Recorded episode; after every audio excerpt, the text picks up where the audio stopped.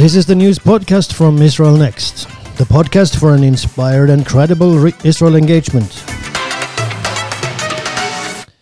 And I'm Ruar Sørensen. This is Inside Out, giving you the news perspectives from Israel. The date today is September 11, 2020. I guess that's a date everybody will remember. But it's not what we're going to talk about today. There are lots of things on the program, and especially they're, they're taking a little time, especially the first thing here. This week in Israel has been um, a tough week uh, from different perspectives, and we're going to talk about one of them. I just want to mention uh, why we do these things because the, when we speak about some some of the things, uh, it's not obvious why uh, how you can say something good about Israel. I, I mentioned this last week, and I'm going to mention it uh, in again in the future. But we do this because we want uh, to help you to say something also that is informed. We we not uh, we do not want to create an illusion image of Israel, a romantic image of Israel. We want you to have the the truth. Uh, because it will help you to be sound in your Israel report. So uh, that's one thing. And the other thing is, we also want you to intercede because when you hear about these things, uh, it should really we hope it will will lead you to intercede and you can do so more uh, specifically more targeted prayers. So um, that's um, our goals. And with uh, that said we'll go to the first case. Which has to do with uh, a lack of trust that exists among the ruling elites the ruling um, state institutions in israel. Uh, and it's a sad situation uh, I will. Um, something happened this week that I will get back to. It was an investigative journalist that uh, came with um, exposed uh, an email, but I will get back to that. But we'll just first try to um, describe the um, the field. What, what is going on here? So the issues. It's a little complicated, you see. Uh, so so uh, when I prepared this, I discussed with myself how to present this, and I hope uh, it will be clear. But the issues uh, that this concerns has to do with the role and the power of the judicial system in Israel, the role and power of the judicial system, and the court cases against Netanyahu, the prime minister. So those are the two central things that that uh, everybody now talks about. Although this investigative journalist, the, the thing that he exposed had really nothing to do with those things particularly. We'll, we'll come to that. Uh, the players that are involved in this, uh, it's the government, and of course uh, the head of the government, Netanyahu, the justice system, and uh, the police. Th- th- those are the main players. In, in, in, addition, we also have the Knesset, the parliament, that are involved in this, but uh, much lower scale. Uh, unfortunately, so Israel is built uh, like uh, most uh, Western democracies with these uh, three, uh, the separation of powers. So the three powers that we speak about are the legislative, which is the parliament, it's uh, the executive, which is the government, and it's the judicial, the, the judicial system with the Supreme Court at its top. So these are supposed to be independent and they, they are independent in a functioning democracy. But of course, they are working, uh, pulling in the same direction, at least they should be pulling in the same direction. So they, they kind of cooperate, uh, they pull in uh, one way, and that, that is to create or to develop or to um, maintain a functioning democracy. So that's uh, the ideal situation. As I said, now there is a lack of trust between these three inst- institutions the government, the parliament, and the judicial system, and especially the government and the judicial system. So, if I want to define this tension a little bit more specifically, I said that uh, the issues had to do with the role of the judicial system. And the thing is like this that this is a hot potato in Israel. I've been speaking about this on previous podcasts. Uh, on the right side of Israel, uh, Israeli politics, they want less interference from the courts, especially the Supreme Court, in um, political decisions. So uh, when a law has been made in the parliament, they do they want it to be implemented.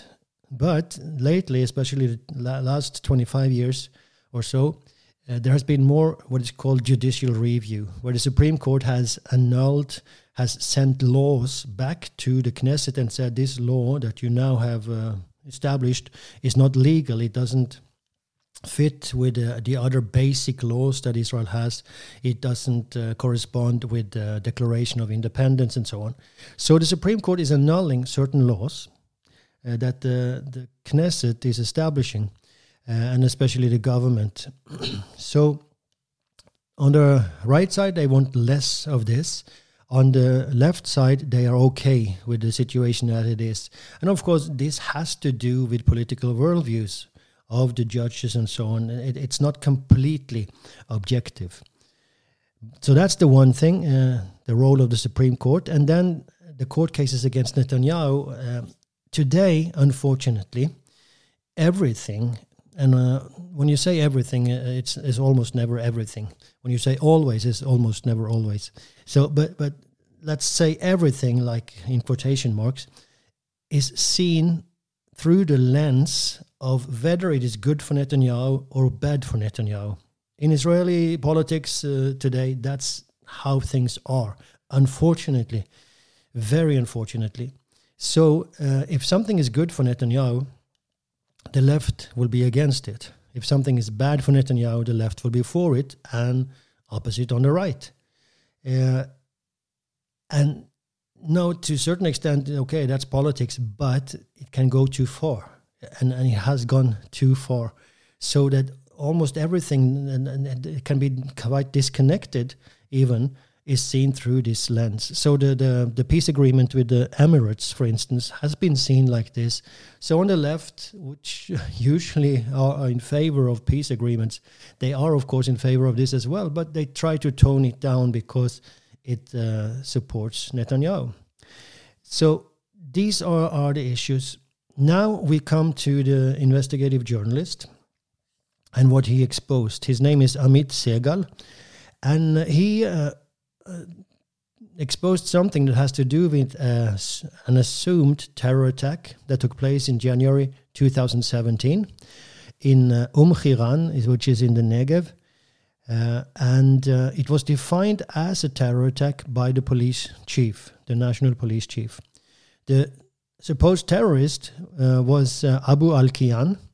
And uh, what happened was that the Israeli, sorry, the Israeli police, uh, they were evacuating or destroying illegally built homes in this village, Umm Chiran. there were a lot of police presence in the area. they had closed off the, the area. But there was one road leading into it that was not closed off, and this is the way where Abu El Kian comes driving with his car. And uh, there's a downhill from from from when the police can see him. There's a hill going down towards them, and uh, he starts driving slowly. Uh, the police starts to to shout and scream, and uh, then they think that now this is a drive-by terror attack. Uh, so they shoot at him and uh, he also runs over um, policemen and kills policemen. So at the end, and then uh, was the shooting? Did the shooting come first, or did he drive down the policeman first? Uh, this was very unclear in the beginning, but uh, at the end, the national police chief, chief says that this was a terror attack. And uh, that was repeated by the prime minister and uh, internal security minister and so on, because that's that was the result of his uh, investigation. But then the um, unit for for um, what's it called in English, the internal investigative organ of the police. Okay, uh, they uh, investigated this thing, this event, and um, it's of course uh, it's kind of disconnected from the police. They they, they check the police, uh, and they concluded that this was not a terror attack. That happened uh, many months later. Uh, so when this um, when they have finished their conclusion, in, in Israel it's called Machas, this organ for internal police investigation. When Machas had concluded this, they they informed the state attorney, uh, and the state attorney then wrote write an email. And this now we come to the investigative journalist and what he exposed. He exposed this email, which is the answer to the Machas, and he says. Uh, it's not good, or it says like this: uh, we should not uh, publish these uh, findings because we should not. Let's see what he says. It will only do well to those willing to harm the law enforcement establishment. So, so the state attorney says, do not publish your findings. Uh, we have decided that this is a terror attack. The, the national police chief, and at the moment, at that time, the national police chief is involved in in the court cases against Netanyahu, as is the state attorney. So uh, he thinks, the state attorney, that if Netanyahu gets to hear this, uh, he, he will uh, he will harm the law enforcement's uh, establishment. He doesn't say Netanyahu, and that is the big discussion, or at least part of it. But uh, for most Israelis, it's pretty obvious that he is hinting to Netanyahu. He denies this himself, Shay Nitzan, state attorney. So anyway, um, this of course is not good. They are hiding the fact that this Abu Alkian was not a terrorist. Now it came uh, out, and uh, Prime Minister Netanyahu uh, said uh, he apologized to the family, uh, and uh, he also then attacked this state attorney and the system. So that that's where we come to to the real hot potato because at the right together with Likud, then they said this proves that uh, is, uh, that Netanyahu is not receiving a fair trial. Um, there's a kind of conspiracy against him. On the left, they say, "What's the connection to Netanyahu at all? This was like a terror attack, and so on." So they they try to downplay it. But of course, this is problematic, uh, and it's created uh, headlines the entire week and discussions and debates in Israeli media. So there's a there's a problem in Israel that uh, it's uh, almost forbidden to criticize the judicial system. They are very sensitive for this, and every criticism of the judicial system is taken as an attack on democracy. So uh, that that's of course that of course is a problem because it cannot be the system cannot be perfect. That there's always something to criticize. Uh, and, and, of course, they try to deny this that you cannot criticize us and we do it and so on. But in practical terms, uh, they don't uh, approve, they don't accept criticism, and especially journalists, which are basically many of them are on the left. And of course, the left side of Israeli politics, they always come out with a claim that you're trying to destroy democracy. The right is trying to destroy democracy. So um, that, of course, is is uh, is a lie. I do, I do not see any danger to Israeli democracy. It's strong, it's vibrant, and so on. But um, it's a kind of polemic. Anyway, all of this has led to a situation where there is a lack of trust between the government and the judicial system, and also the parliament uh, and the government. The, the, the division is even within the government itself, because at the moment Israel has a national unity government where you have both the left and the right in the same government. You have blue and white and Likud. So uh, the justice minister is from blue and white, and he is uh, really um, he was fuming at Likud and at Netanyahu in the Knesset uh, in a debate in the Knesset this week. Uh, so now the, the, status is like this: that the um, general attorney, which is the highest uh, authority within this, in Israel, uh, he is now considering asking or demanding that uh, Benjamin Netanyahu will resign, will step down uh, temporarily as a prime minister, because he means that the, the prime minister is abusing his position to attack the law system and to, to forward his own case.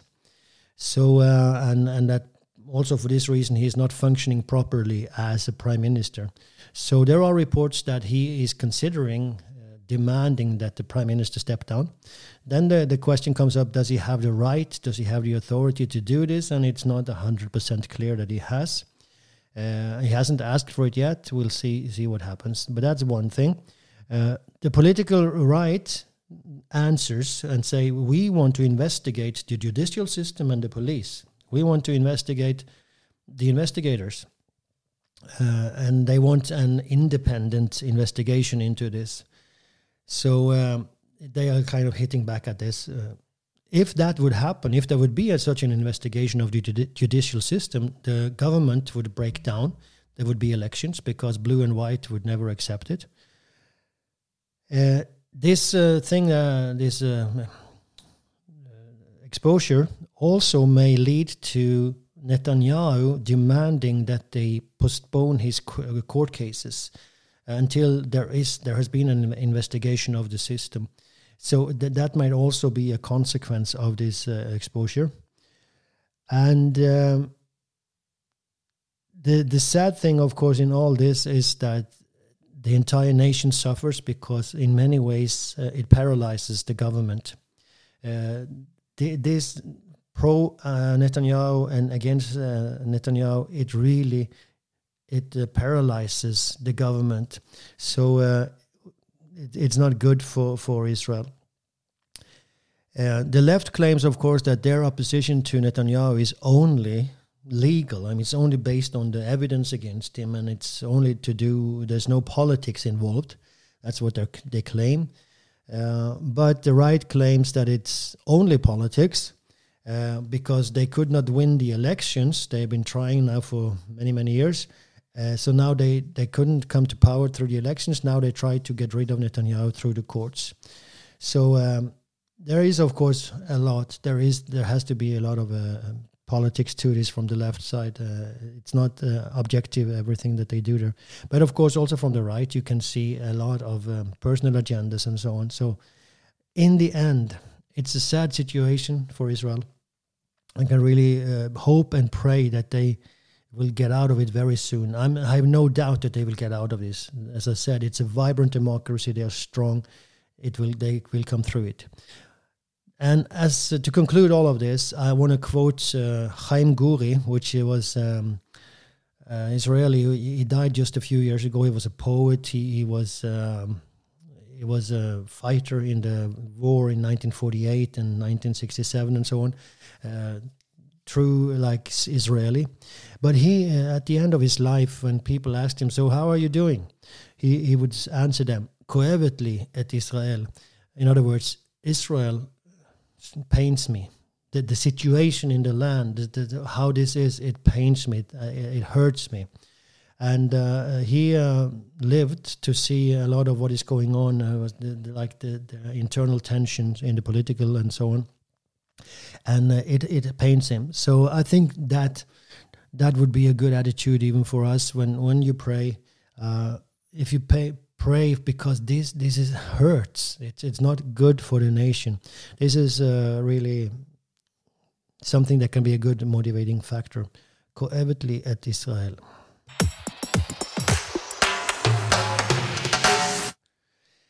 The corona. Uh, Israel has uh, reached a new peak in uh, the number of infected persons. It's been like 4,000 the last uh, three days. Uh, and now, yeah, yesterday, the government, or at least the Corona cabinet, which is part of the government, they decided um, that they want to go for a national closure uh, that will take place for an entire month. that it will start next Friday, which is exactly uh, on the eve of uh, Rosh Hashanah, Jewish New Year. And uh, the first two weeks will be full closure, like it was during Passover. The, only the most essential uh, jobs will be active. Schools and everything will close down. Um, then there will be a period of maybe a week, depends on if they reach their goals. Uh, a week with more limited uh, restrictions, and then the last uh, week it will be even more limited. Uh, then they will use what they call the, the traffic light, uh, the traffic light closures. So, which is basically that they they close down certain cities and towns where it's really bad. But anyway, for one month they plan this uh, closure, and the first two weeks full closure. Uh, so, if if this would happen because it has to be approved by the entire government on Sunday. Um, so if if it would be happen, uh, then uh, at least the government would be able to decide on something because the last weeks, uh, last month, they have been uh, going back and forth, and uh, the different ministers have been pulling in their own directions and wanting uh, east east of easing restrictions on their side. so so the government has not been operating as one, and even now within the government there, there is divisions, but uh, at least it seems like they would be able to make this decision. Uh, I think it would be good for Israel. Of course, it would be sad. Uh, the good thing, it will be sad because it has very economic consequences as well. But in the fight against Corona, I think it will be good. The good thing of doing this during the holidays is from a financial viewpoint that it costs the nation less. The schools are already not working they have holiday for almost a month because we have like almost a month of, of holidays now coming up from next Friday. Many are not working, uh, and so uh, yeah, the financial consequences will be be less. From a social and, if you can say, religious perspective, of course, it's tragic because this is really the the high point of the religious life, uh, the, the annual life, the, with all these holidays and Yom Kippur and uh, the Feast of Tabernacles and so on. But uh, as I said, it's good that they finally are able to decide on something, and we'll just hope and pray that um, they will make a final decision on Sunday. The next uh, issue here has to do with the Palestinian Authority. And uh, a report just came out uh, last week from uh, Amit Intelligence and Terrorism Information Center, where they checked 400 books of the Palestinian Authority uh, educational system, uh, books that are used in their schools. so uh, these books were published between 2017 and 2019, meaning that it's the books that they're currently using. Uh, and it's the books that have been printed long after the criticism against uh, what uh, against the curriculum has been put forward. I mean, uh, for those who have followed this, uh, they know that uh, there's been a lot of international criticism, or a lot, but there's been international criticism of the books that they are anti-Semitic. So these books have come out long after that criticism. The summary, as it concerns Israel, I'm, I'm talking only about how they present Israel, how they present the conflict with Israel in these 400 books. And there are three fundamental uh, principles that are promoted. One is that Israel is a, has no right to exist. It's delegitimizing of Israel as, uh, as a nation, its right to exist. The second, Jews are demonized. Like in, in general, all over the book, the Jews are demonized. And the third is that a violent struggle is needed uh, with the goal of liberating Palestine. And when I say Palestine, in their words, it means all of Israel. As you can see from their maps and how they present cities inside Israel as Palestinian cities. So uh, the, the last point here that a violent struggle is needed. A violent struggle is their euphemism for terrorism. So uh, all means are available. So th- these three things Israel has no right to exist, the Jews are demonized, and terrorism is the way to liberate Palestine. They they keep repeat them in different ways in these 400 books. There was not one single call for a peaceful resolution. Not one. None, not one call for coexistence. The name Israel that previously used to be in these books has now been more and more deleted and exchanged with the Zionist occupation and uh, Israeli the term Israeli has been exchanged with Zionist. So in one in many senses it's getting worse. Now my comments on this is that children it's the most precious thing that we have.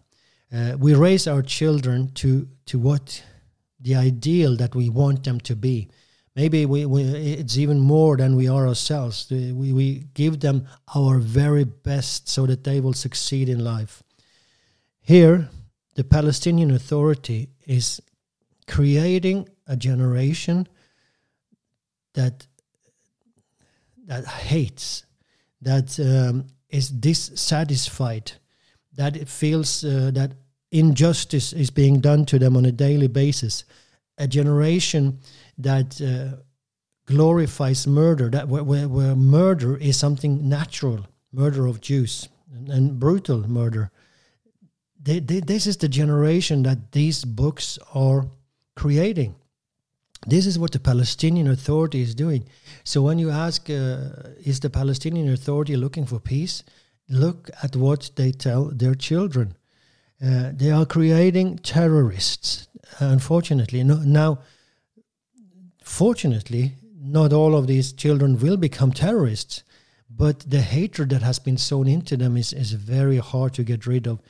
And therefore, it's very hard to see how peace can be achieved in, the within the coming generation because they have already received this.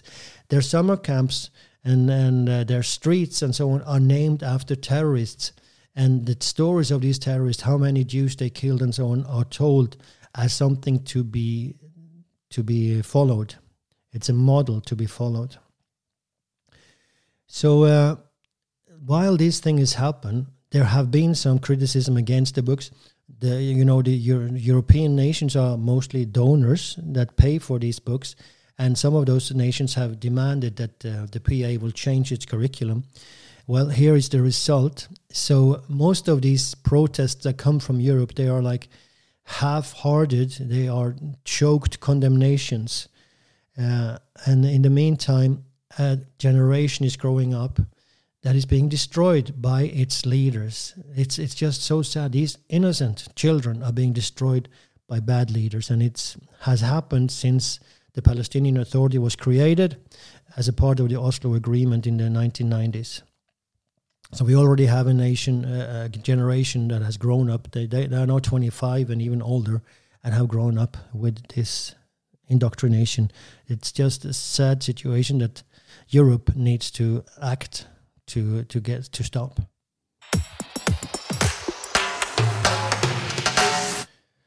There has been we come to archaeology, and there has happened something on the Temple Mount that is uh, unique. Um, for those who don't know, uh, the Temple Mount is um, hollow in its southern end because when King Herod uh, decided uh, he wanted to expand the Temple Mount, uh, he did so uh, where there was no mountain. It's the Temple Mount, but uh, it slopes down, and he wanted to expand the platform. So he put up arches, and on top of those arches, he put uh, a floor, a tiled floor.